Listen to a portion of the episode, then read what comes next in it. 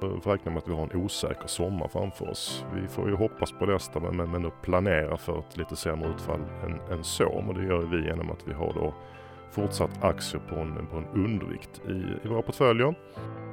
Det här är Investera och agera, en podcast från Carnegie Private Banking. Hej, det är den 9 juni och du lyssnar på mig, Peter Nelson, som är chef för portföljförvaltningen här på Carnegie Private Banking. Eh, trots att Stockholmsbörsen studsat upp den senaste tiden så räknar vi fortsatt med eh, volatilitet drivet av osäkerhet kring konjunktur, räntor, inflation och geopolitik. Det är väl den korta sammanfattningen. Men eh, i dagens avsnitt så ska vi prata lite om hur vi ser på marknaden och också vilka sektorer som vi tycker är intressanta nu givet marknadsläget. Eh, vi har alltså haft en lite piggare marknad som jag sa. Eh, det är alltid trevligt. Eh, börsen satte ju någon typ av botten åtminstone för tillfället då den 9 maj. Och sedan dess har Stockholmsbörsen gått upp med 8-9 procent mätt som SBX-index. Även världsindex har stigit ungefär 5 procent.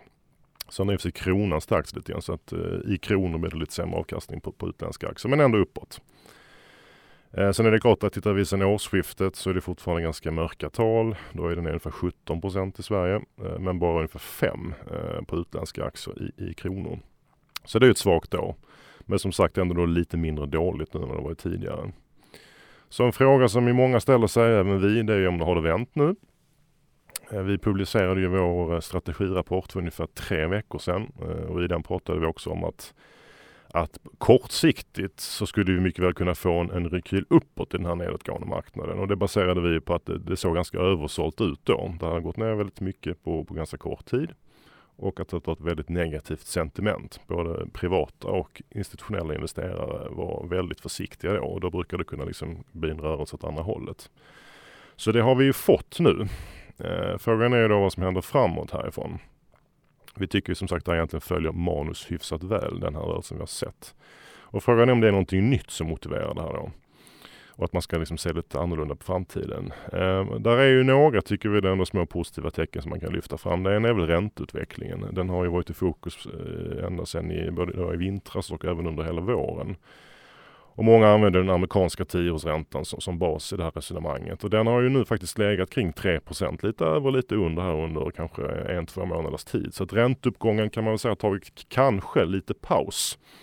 Eh, och det har ju nog varit bra för börsen. Eh, vi tror ju dock att räntorna skulle kunna stiga igen. Det är lite grann den trenden vi har sett här nu sista veckan igen, att det börjar röra sig uppåt lite grann. Och även i Europa faktiskt är räntorna på väg uppåt. Så att vi, vi är nog inte säkra på att den där ränteuppgången riktigt är över än. Um, och sen eh, kan man ju alltid prata om, om kriget i Ukraina. Där får vi väl, om man ska liksom sammanfatta det på något sätt så får man väl ändå, det har ju inte kanske eskalerat. Det är ju såklart långt ifrån bra. Det, det, det, det strids ju varje dag där borta. Men sett ur ett, ur ett globalt perspektiv så har ändå konflikten inte eskalerat än mer. Uh, på något sätt har det väl blivit lite mer vardagsmat nu när, när det har hållit på ett par månader. Så lite mindre fokus från finansmarknaden på det här som det är just nu. Den situationen kan ju såklart ändras igen, men, men, men så är det just nu. Och sen en annan fråga är om inflationen har toppat. Det är något som många går och letar efter som inflationen har varit det stora problemet här. Och det, det har vi också tyckt att den, den, det borde den ju göra någonstans här.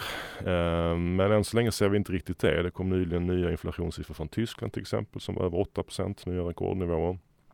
Eh, vi ser också att oljepriset fortsätter uppåt så att det är fortsatt tryck på pris och sen måste ju ändå takten börja komma ner. Det kan inte fortsätta med inflation på 7, 8, 9 procent här i all evighet. Det är ju inte rimligt. Så takten ska ju ändå komma ner men det är väldigt osäkert i vilken takt det faller och hur lång tid det tar. Så ja, vi är nog nära någon typ av topp och det är kanske också det som har gjort att, att man har liksom andats lite, lite mer framtidstro. Här. Kina kan vi också nämna. Där har ju det pratats mer om nya stimulanser eh, plus att man har börjat montera ner de här stora lockdownsen som man haft under en period. Det är ju allt annat lika också då positivt. Så att det är små framsteg där. Sen finns ju såklart ett, som vanligt ett annat sida, en annan sida av myntet eh, och det är väl det vi fortfarande tycker kanske är det viktigaste här eh, och vi har ju länge pratat om det här med QT, det vill säga, det vill säga Eh, att centralbankerna stramar åt. Eh, det, det börjar ju nu kan man säga.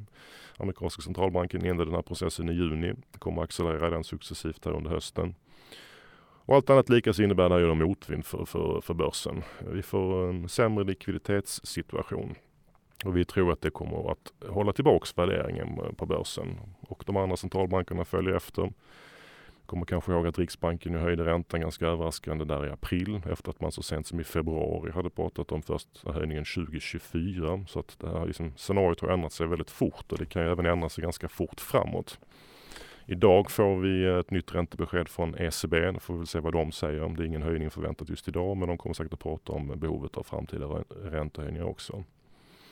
Så att det är väldigt rörlig materia det här med, med, med de här centralbanksbeskeden och vi tror fortfarande att det här vi har liksom den, den större motvinden för marknaden om vi tittar lite längre framåt. Centralbankerna gör ju därför att de försöker att mjuklanda ekonomierna. Eh, historiskt har det varit svårt att åstadkomma den typen av mjuklandningar. De har lyckats några gånger.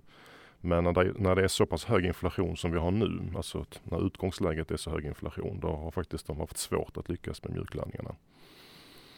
Och det gör ju att vi tycker att konjunkturrisken finns kvar som vi också skrev om i vår strategirapport. Eh, här noterar vi att det är en ovanligt stor diskrepans mellan vad, vad hushållen tycker och vad företagen tycker. Hushållen deppar och det är kanske inte så konstigt när vi har så här hög inflation. Det, man pressas för många håll och kanter. Men företagen är fortfarande rätt bra på att höja priserna och pratar ändå om att det är ganska bra efterfrågan. Det verkar som att det är konsumenterna som får ta smällen helt enkelt. På sikt måste det här gå ihop någonstans. Vi kan inte ha väldigt positiva företag och väldigt negativa konsumenter i det långa loppet. Vi får väl hoppas att konsumenterna helt enkelt blir lite mer positiva här under sommaren. Eh, det, det vore allt annat lika då positivt. Arbetsmarknaden håller uppe bra kan man säga, så det talar ju för att, att konsumenterna ändå, att det, det borde kunna rätta till sig lite grann. Um, vi har börjat se en del vinstvarningar nu från bolagen och det är väl inte heller kanske helt överraskande. Det kommer från lite spridda håll eh, men rätt mycket just från, från, från eh, retailsektorn och det har, hänger ihop med att konsumenterna då har det lite tuffare. Idag exempelvis så kom det en vinstvarning också i Sverige från Boost. Eh, det handlar med sig om online onlineverksamhet. Men det har ju också med, med konsumenten att göra att vi kanske mer rör oss i butiker nu än att vi handlar på nätet. Så att eh, ja, nej, mycket osäkerhet är väl, är väl sammanfattningen. Eh, och det gör ju att vi tycker då att, att vi nog fortfarande får räkna med att vi har en osäker sommar framför oss. Vi får ju hoppas på det bästa men, men, planera för ett lite sämre utfall än, än så. Och det gör vi genom att vi har då fortsatt aktier på en, på en undervikt i, i våra portföljer. Och tycker snarare att man i det här läget som jag har nu, den här typen av marknad, att man man ska fundera på att kanske sälja studsar snarare än att köpa dippar som har varit en strategi som har funkat väldigt bra under, under, under många år. Um, och vad gäller räntebärande så tycker vi att man ska vara ganska avvaktande för att så länge vi har lite då press uppåt på räntor eh, och även att spreadarna kan röra sig lite uppåt, då är inte det den bästa miljön för räntebärande. Och då hamnar vi ju att vi tycker att alternativa tillgångar är det som kanske passar bäst i, i nuvarande marknad. Här lyfter vi fram råvaror som är ett av innehållen i, i, i den portföljen. Men även något som vi kallar för distressed debt som vi tycker passar bra i det här klimatet. Eh, vi ser även positivt på det förvaltare som handlar volatilitet eh, som gör det bra och även makrostrategier som kan funka när vi har så stora rörelser i många olika tillgångsslag. Så det är där vi tycker att man, man, man gömmer sig bäst nu för stunden. Så finns det en del sektorer som vi tycker eh, på aktiemarknaden som ändå förtjänar att man, man, man tittar på den här miljön. Hälsovård är en sån.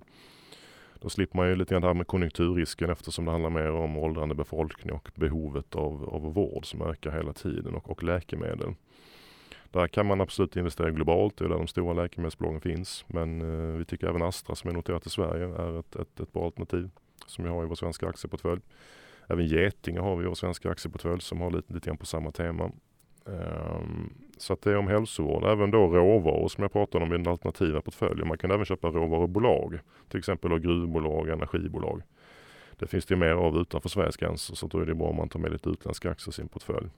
Men Boliden är ett alternativ som vi har highlightat i, i, Sverige som vi tycker är intressant. Inte minst eftersom då koppar är en väldigt viktig metall för dem och där tror vi på att det kommer att vara ett väldigt stor, stor efterfrågan de kommande åren.